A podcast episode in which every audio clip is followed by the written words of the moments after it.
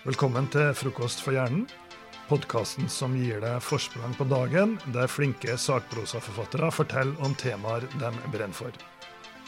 Jeg heter Jan Svensson, jeg er forlagssjef og programleder for denne podkasten. Ja, da er vi i gang med en ny episode av Frokost for hjernen. Og i dag så er vi så heldige å ha fått besøk av Cecilie Ystenes Myhre. Velkommen, Cecilie. Tusen takk. Hvordan er formen? Formen er fin. Jeg har kaffe, bok gitt ut på verdens beste forlag. Okay. Kan ikke klage. Nei, det, nei, klaging skal vi ikke ha noe av den lille stunden vi skal være sammen her. Altså, du er jo eh, mentaltrener, lederutvikler. Jobber med toppfolk innenfor idrett, kultur, næringsliv. Og nå har du også skrevet boka Stå støtt. Hva slags bok er det, Cecilie? Du, det er en eh, bok om uh, hvordan man kan tåle livet litt bedre, og spesielt i uh, dagens arbeidsliv. Hvor uh, jeg tror spesielt nå etter pandemien mange har fått kjent på hvordan det der er å gå inn i det ukjente, gå ut av komfortsonen, måtte lære seg veldig mange nye ting. Da krever det stødigere bein, og da må man begynne på et godt sted, og det er ofte topplokket. Topplokket må brukes ikke minst når man skal jobbe med Teams, har vi lært oss. Ja. Teams og Zoom og ja. ja. ja vi har jo klart det, men, men er det ekstra tungt nå i, under pandemien? Ja, det er klart det er det. Mm. Uh, spesielt fordi at den har vart såpass mye lenger. eh, og vi vi har ingen kontroll. Eh, vi får hele disse forventningene til når det skal være over, og så, videre, og så får vi liksom, liksom slag i trynet hele tiden. Og det, det krever en mental stamina som, uh, som, kan være veldig utfordrende å mobilisere, rett og slett. Ja. Det skal vi nok få noen flere tips om hvordan vi skal mobilisere etter hvert. Men dette er en bok som tar for seg altså Undertittelen her er 'Slik lykkes du med ledelse, ansvar og press på jobben'. Eh, så det er, ikke, det er, ikke, bare for ledere, bare for å slå fast det. da. Men Nei, det er ikke det. Um, men jeg kaller jo alle ledere i boka, og det er fordi at uh, Det er kanskje litt flåsete sagt, men, men, vi er alle ledere i eget liv. Mm. Uh, i, i, nære relasjoner, um, hvor vi leder direkte og indirekte uh, hele tiden. I familie og i prosjekter vi er en del av. Så, så vi har alle denne lederrollen, og det er derfor jeg kaller det ledelse. Men det er for alle sammen, selvfølgelig. Nettopp. Og det er jo en bok som tar for seg eh, mange sider ved det i arbeidslivet, ved ledelse osv. Og, og helt i starten av boka så presenterer du de fem s-ene. Skal jeg ta de fem s-ene, se om jeg har lært meg de nå. det er selvbevissthet, selvledelse, selvomsorg, styrkekilder og sterke team.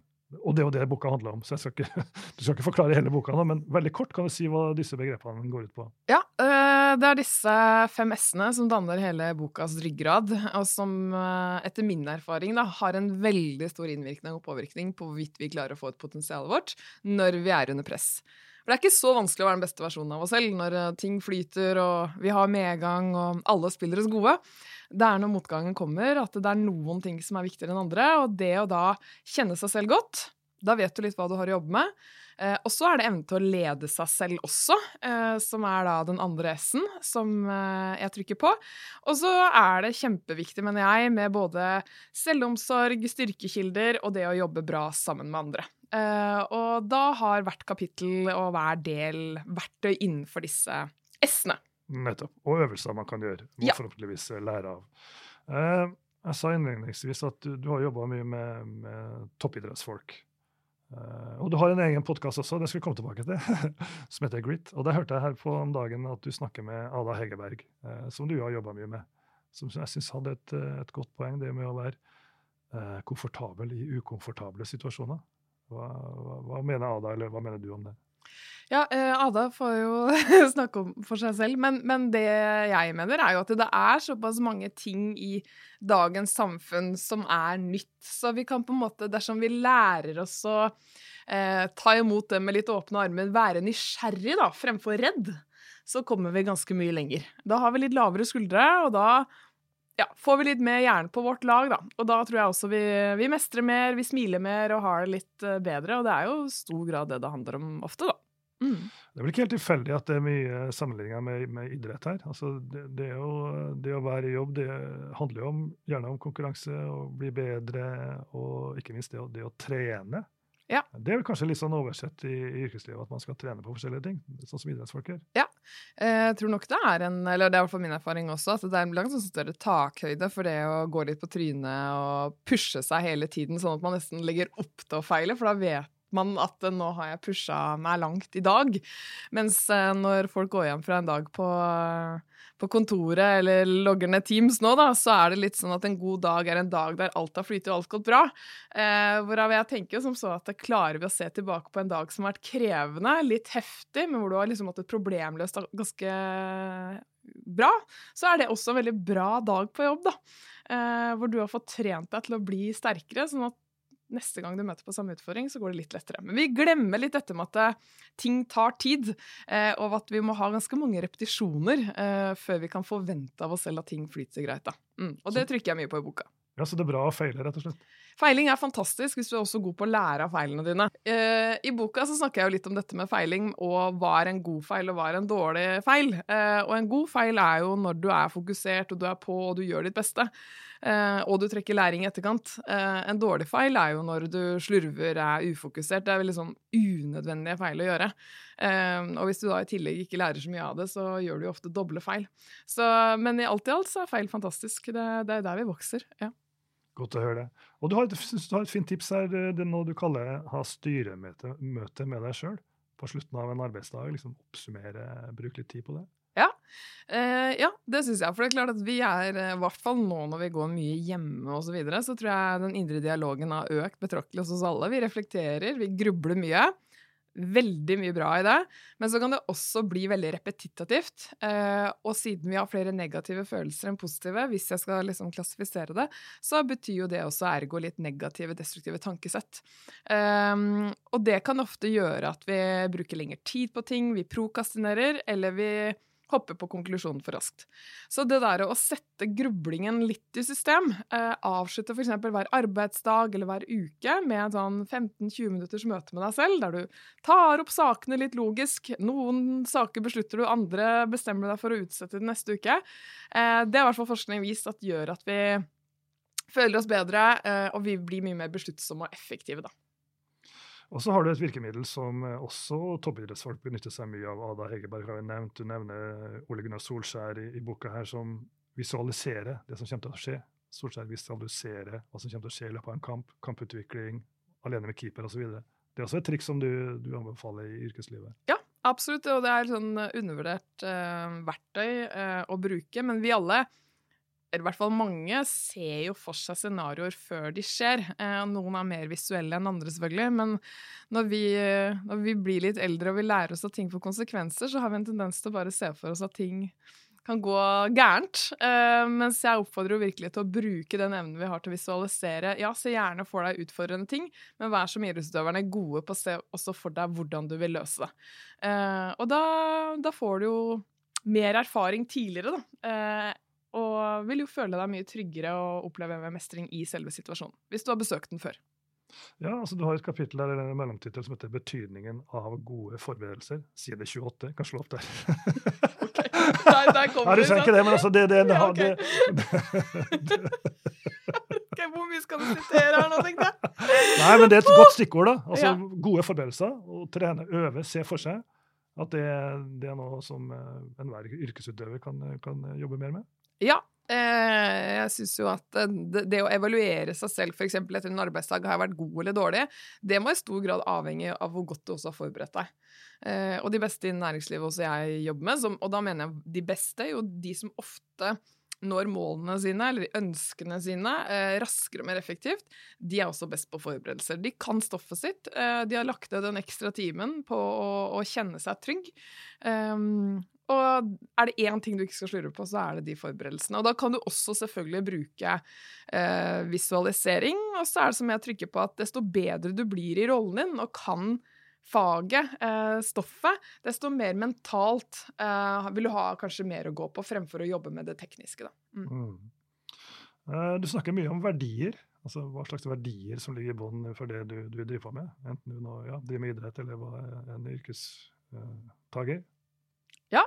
Jeg mener jo at uh, vi kan jobbe mye med mentale teknikker og, og øvelser og ferdigheter, men uh, den derre virkelige endringen i oss selv og det å stå støtt handler veldig mye om å handle og kommunisere i tråd med hva som er viktig for oss. Uh, og det er jo det verdiene sier noe om, hva som er viktig for deg.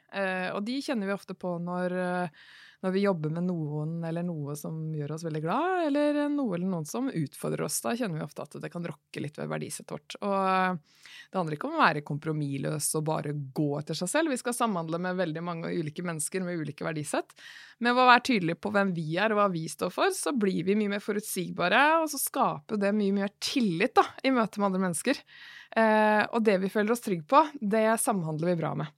Så det ene er jo bra at det er et godt verktøy for å gå inn i seg selv når du står overfor valg. Og så er det et veldig godt verktøy når du skal jobbe sammen med andre mennesker og få ting til å fungere. Og det også er jo noe som er mye mer utfordrende nå, når du kanskje til og med møter kollegaer du aldri har møtt uh, over Teams. Så jeg oppfordrer alle til å være litt tydelige på ja, hva er verdiene dine, hva er det du står for, hvordan er det jeg vil bli kjent med deg? På godt og vondt, å si. Mm. Uh, og når vi da møter på det, så forstår vi hvorfor vi mennesker er som vi er. Ja. Ja, Du, du snakka om å jobbe sammen, jobbe på Teams, en og en ting, men uh, du har et kapittel om det å bli et godt team, da, altså bli et vinnerlag. Hva, hva er det som skal til der? Det, det er jeg litt nysgjerrig på. ja, ja, eh, Nei, det er jo først og fremst at uh, vi klarer å skape denne tilliten da, mellom oss. Det er jo det som er relasjonslimet. Uh, og team som blir satt på prøve som holder seg godt, de har jo et sterkt lim. Eh, og da er spørsmålet hvordan klarer man å bygge opp dette relasjonslimet? Og det handler jo først og fremst om å bli veldig godt kjent. Det skal man ikke undervurdere. Men vi vet at det er veldig mange som også både kan skille seg og bryte opp uh, businesspartnerskap selv om de kjenner hverandre godt. Og da er det viktig å ha på plass disse verdiene, f.eks. At man er samstemt rundt hva skal kjennetegne teamet vårt. Uh, hvordan er det vi er enige om å kommunisere med hverandre, spesielt under press og motgang. For det er da vi ofte kan kjenne på uro. Um, og så handler det jo veldig mye om å både kommunisere effektivt, uh, ta opp utfordringer når de kommer, ikke feie ting under teppet, men ta det opp på konstruktive måter, um, blant annet. Ja, jeg setter stor pris på at du uh, siterer Arsenals uh, tidligere manager Arsen Wenger her, da. Som sier Ja, er du fan? Ja, ja, ja. ja. ja, ja jeg, har lært mye av Wenger. Ikke lært så mye av han som jeg nå, men jeg har lært mye av Wenger som sier The face of the coach is a mirror of the team. Uh, ja. Hva mener Nei, jeg, jeg synes det, jeg husker når jeg uh, møtte han og han pratet om det, så syns jeg det var veldig bra sagt. Mm. Fordi uh, det er akkurat det samme som man kan se hvis det er et Teams-møte og lederen sitter der og, og ser bekymra ut. Hadde jeg sett det som mentaltrener, så hadde jeg også liksom Hva, hva er det nå? Eh, hva er det som ligger bak den enten sinnerynka eller bekymringsrynka? Eh, så, så det er jo en grunn til at jeg også nevner det i boka, er jo for ansvarlig ansvarliggjøre ledere i team mm. eh, på å um, huske på at vi speiler hverandre også. Og er det noe som ligger bak der, så blir vi ikke bedre. Vi må tørre å, um, tørre å gjøre noe med ting, og det er først når vi setter ord på det og adresserer det, at vi også kan gjøre noe med det. Veldig mye fascinerende opplysninger i denne boka. her, Veldig mye sånn til ettertanke. Eh, du skriver et sted at eh, vi tar 70 beslutninger hver dag. 70. Det var voldsomt. Fra vi står opp til, til vi legger oss. ja. eh, mange av de beslutningene må vi ta på jobb. Altså, hva skal til for å ta de gode beslutningene? Ja, Godt spørsmål. Eh, jo, der igjen så vil jo jeg vise til forberedelser, og så er det jo mm. hvordan du bruker de forberedelsene. Mm. Men eh, det er veldig fort gjort å ta beslutninger på vegne av følelsene våre. Eh, dagshumøret vårt. Eh, og da kan vi jo tenke at dagshumøret det preges jo også av hvorvidt vi har sovet godt eller dårlig, eh, om vi har spist tilstrekkelig, har vi greit blodsukkernivå, eller har vi ikke? Det er mange ting som spiller inn, da. Eh, men vi fortjener, tror jeg, å tenke at kollegaen vår eh, tar valg og beslutninger som ikke er basert på det dagshumøret den dagen, men det som er klokt og lurt. Og da er det noe med å sjekke inn hos seg selv på morgenen eksempel, og tenke hva er det jeg har å jobbe med nå, da? Og hvis du vet at den dagen så er du litt eh, irritert, litt kort, så, så, kan det være lurt å skape seg litt tid eh, og spille seg selv god. Og det er også tatt litt ut fra erfaringa mi med idrettsutøvere som hvis de kommer på konkurransedagen eller turneringsdagen, dagen, så spør jo vi støtteapparatet hvordan føler du deg i dag. Og det er jo for å sjekke inn og høre hva er det vi har å jobbe med.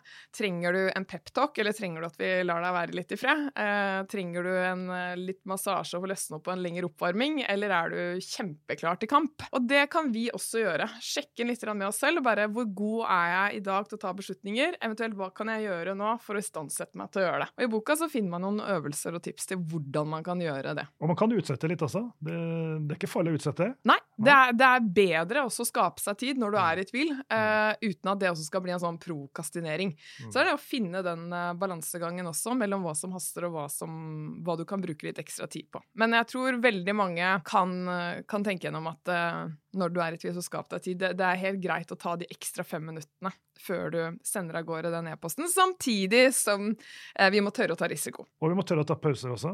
Ja, vi må tørre å ta pauser også. Og jeg jobber jo med veldig mange mennesker som brenner for jobben sin, og utfordringen der også er jo at de knapt nok tar seg pause. Når det gjelder ambisiøse mennesker som går all in på jobben sin, husk å ta deg pause. Det er, det er der vi bygger reserver, da.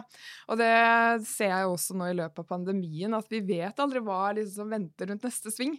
Så vi må huske på at de som får ut potensialet sitt over tid, det er også de som er veldig gode på å hvile, og ser på det som en sånn nødvendighet for å ha det bra. Eh, og gjøre andre gode også. Så det er ikke latskap eller makelighet, det er rett og slett å være smart. Nettopp. Og apropos å være smart. Altså, du, har, du introduserer uttrykket grit i boka di. Og du har en egen podkast som heter Grit også. Anbefaler den. Veldig bra saker. Mye å lære. Ja, takk. Eh, men eh, grit, hva er det for noe? Grit er jo et eh, fancy engelsk ord på det jeg vil kalle mental utholdenhet. Uh, mennesker som har en standhaftighet til å gå for sine ultimate ønsker, eller purpose-mål i livet. Uh, så I podkasten Grit så intervjuer jeg jo mennesker i Norge som har vist denne evnen, og sjekker litt hva tankesettet deres er. Og det legger jeg også fram i boka. Det er jo Angela Duckworth, en amerikansk um, psykolog, som har forsket på på grit og kommet frem til at uh, dette med å være smart uh, i det lange løp, det handler verken om uh, flaks eller intelligens. det handler om å ha denne staminaen, da. Ja, det er jo mye å si om grit. Du har mange punkter som, som karakteriserer disse forskjellige folkene. Er det noe spesielt du kan trekke frem, som er ekstra viktig for, for oss som hører på? Ja, det kan jeg gjøre. Uh, jeg synes at noe av det som er mest inspirerende med mennesker med glitt, det er at når de blir utfordret av mennesker som uh, kanskje ikke er like greie hele tiden, så, så, er de veldig gode på å ta den, den liten, den der som jeg siterer i boka, altså faktisk Michelle Obama, den derre 'When they go low, you go high', den er de veldig gode på. Uh, og så er de gode på å gå inn i situasjoner som de kjenner er ubehagelige. Jeg tror veldig mange tror at uh, disse menneskene ja, de kjenner ikke på ubehag eller uro. Men jo, de gjør det, men de trosser den og går gjennom likevel. Eh, og det er jo for at de har et perspektiv på at det er der jeg finner mest læring, det er der jeg vokser mest som menneske, og det syns jeg er veldig, veldig spennende. Eh, og de fortsetter selv om de feiler. Eh, de liker å levere det lille ekstra. Så, så det er veldig morsomt å, å, studere og høre litt om hva er det som har kjennetegnet disse menneskenes oppvekst. Hva er det foreldrene har trykket på og ikke trykket på? Hva er det de jobber med i dag som gir dem mening? og hvordan er det de reiser seg opp igjen når de faller, det. Mm. Mye av, det, mye av det her tror jeg vil gå på det du er ekspert på, nemlig mental styrketrening. Ja, og det, det, altså mentaltrening er jo noe vi gjør bevisst og ubevisst hele tiden. Vi mm. alle er mennesker, så dette det er ikke rocket science i seg selv. Mm. Men det jeg syns har vært spennende, er jo å bruke psykologien til å studere litt mer uh, ekspert kunnskap rundt de faktorene vi alle bruker litt ubevisst og bevisst. Eh, sette det i system og se litt hva skjer når vi virkelig har kontinuitet på den type treningen, mm. på samme måte som man ville hatt f.eks. på et kondisjon- eller styrkeprogram fysisk. Mm. Og det er da jeg syns det er kjempegøy å se at uh, endring er mulig. Veldig mye er mulig uh, hvis man har denne standhaftigheten på å trene på, på både øvelser og teknikker som vi vet har en ja, direkte påvirkning på selvtillit og ta kontroll på stress, nerver osv. Og så handler det om selvomsorg, som vi var så vidt inne på her. Som, eh, og du har eh, også en, noe som du kaller 'Kutt ut bekymringene', et kapittel som handler om det. Ja. Det, det, tror jeg nok mange gjerne vil lære litt mer om. ja, ja, og da er jo liksom spørsmålet liksom, hvordan kutte ut bekymringer. I hvert fall de bekymringene som ikke tar oss noen steder. For bekymringer kan være, være fint. Det er mange som har løst mye bra ved å, å gå og tenke rundt en bekymring. Men jeg mener jo at overskriften der er på mange måter selvomsorg. Og så tror jeg det er veldig viktig at man ikke får forveksle selvomsorg med selvmedlidenhet. Det handler ikke om å synes synd på seg selv eller sette seg selv i en offerrolle, men det handler om å behandle seg selv, sagt veldig enkelt, da, på en, på en måte som du ville behandlet en veldig god venn eller familiemedlem. Vi er ekstremt harde ofte med oss selv. Um, veldig dømmende. Det er som å si det er enten bra, eller så er det dårlig. Så vi blir ofte litt lite nyansert i tankemåten vår. Og, og måten da å bli mer eh, nyansert, ikke overgeneralisere osv., handler veldig mye om å trene på å ha et språk til oss selv som har mye selvomsorg i seg. Selvsnakking, rett og slett? Også. Ja, det er veldig mye av selvsnakk. Og så er det jo mange måter å hva skal jeg si, få denne omsorgen på. Du kan jo begynne fra et fysisk perspektiv med å ta bedre vare på deg selv, f.eks. Eh, hvile mer, eller gå deg en tur ut, få en fysisk bedre form. Det kan også gjøre noe med tankene dine og følelsene dine osv. Eller du kan begynne da med tanker, som jeg viser til i boka, eller du kan begynne med å bli god på hvordan du endrer en følelse med en ny følelse. Det snakker jeg også litt om i boka. Mm. Eller du kan rett og slett uh, tenke litt på ok, hvilke valg er det jeg kan ta i dag eh, som leder til mer selvomsorg. Så det er mange veier inn til det. Men vi begynner ofte med tanker, da. Så det er der jeg legger hovedvekt. Ja, så syns jeg det er litt fint at du presenterer noe du kaller bekymringsfrie soner eller perioder. Ja, det, det, har jeg tro på. Dette med å bare være i nået og ikke tenke så mye på fortid og fremtid, men være her og nå. Og det vet vi også gjennom forskning gjør så innmari mye med hjernen. Og jeg, jeg, tror mange kanskje hadde folk visst litt mer om hvordan hjernen er bygd opp, og hvordan vi kan bare ved god oppmerksomhetstrening og hvile, da, som jeg kan kalle det på godt norsk, mm. eh, så hadde flere gjort det, rett og slett. Mm. Ja, og dette henger sammen med sånn ofte stilt spørsmål, er jo hvordan balansere jobb og privatliv på, på, en god måte. Det er det jo inne på her også. Jeg tenker jo noen ganger at det, det er en sånn bestilling jeg ofte får. Liksom, jeg må få bedre balanse mellom jobb og fritid. Og det, det, er et godt spørsmål, og noe veldig mange har godt av. Uh, samtidig så jeg liksom, har jeg liksom pragmatisk tilnærming til det at uh, vi må være litt bedre kanskje noen, noen, ganger til å tenke gjennom ok, når jeg signer opp for denne jobben her, hva innebærer det? Og vi er jo ikke der hvor vi var på 80-90-tallet, hvor vi har en 8-4-jobb. Vi, liksom, vi har denne smarttelefonen, og vi er veldig tilgjengelige. Så jeg håper at folk kan se liksom mer på at vi ofte tar sånn livsvalg når vi tar en jobb også, og at det, det, ikke er to ting i livet som skal konkurrere med hverandre, men hvor vi klarer å få det til å harmonere bedre med hverandre. Eh, som gründer vet jeg i hvert fall at det er, det er, en livsstil jeg på mange måter tar på meg. Så, så jeg, jeg, tror på det, men samtidig da så er det veldig viktig å også da identifisere når er det jeg bare er Cecilie, eh, og, og, ikke tenker entreprenørskap og mentaltrening. Eh, og bare er mamma, f.eks., men at jeg ikke blir stressa hvis det kommer en telefon. For da hadde jeg blitt veldig mye stressa. så, så, det tror jeg på, og det perspektivet trykker jeg nok litt på fremfor mange andre bøker, kanskje, som bare tenker sånn Det er to elementer, og det handler om å liksom bare enten-eller. Uh, det, det, tror ikke jeg er helt mulig i dagens samfunn. Nei, og så kan man gjøre det enkelt. Altså, du siterer Tiger Woods, det er en person som eh, mildt sagt har oppnådd ganske store resultater. Han sier 'gjør det enkelt'. Keep, ja. keep it simple, stupid. Ja. Én ting av gangen. En ting av gangen. Uh, og det slår meg at desto bedre folk er på sin arena, enten det er i næringsliv, kunst eller det er, er, i idrett, så er de himla gode på å gjøre komplekse ting enkelt. Og så går de litt ut av den banen der innimellom, men de er veldig gode på å hente seg inn igjen da, og så dyrke og bli best på de enkle tingene som har liksom en direkte innflytning da, på, på jobben deres. Mm. Og han eh, er jo et godt eksempel på å ha fått til mye av det. da. Mm. Ja, det vil jeg si. Men når folk har vært gjennom denne, leseboka og grunna litt på den, hva er liksom det viktigste du vil at folk skal, skal sitte igjen med? Da? Jeg håper jo at dette er en bok som kan fungere som et form for sånn oppslagsverk så lenge de lever, og tenke gjennom at ok, når de står i en situasjon, så kan det gå litt til den S-en, da, eller den, det kapitlet som er mest aktuelt for de. Jeg anbefaler nesten å bare lese gjennom boka først, og så kan man tenke gjennom hvilken del vil jeg gå tilbake i. Men jeg håper at de sitter igjen og tenker at ok, nå sitter jeg kanskje med et problem, eller jeg opplever at eh, neste fase nå, de neste månedene, kan være litt utfordrende. Men det er verktøy å ta tak i. Eh, jeg skal ikke stå alene i det. Det er mange måter å forberede seg nå som gjør at jeg kan mestre ting enda bedre, eh, grue meg litt mindre og smile litt mer. Fordi vi er veldig flinke, syns jeg, da, til å tenke at ja, hvis vi sliter med noe elektronikk hjemme, eller vi har vondt i foten osv., så, videre, så stikker vi til legen, eller vi ringer rørleggeren, eller hva det er. Eh, mens når det kommer til arbeidslivet, så skal vi på mange måter liksom fikse alt selv. Stå veldig alene i det. Og jeg tror at flere hadde syntes at arbeidslivet var enda mer morsomt hvis de visste at det, det er mulig eh, å utvikle seg selv og mentalt eh, under press. Vi må bare vite hvordan. Og denne boka håper jeg er et godt oppslagsverk på hvordan. Det syns jeg var en glimrende konklusjon på den samtalen her. Stå støtt, folkens. Dette var Cecilie Ustnes Myhre, og du hører på Frokost for hjernen. Velkommen igjen neste gang.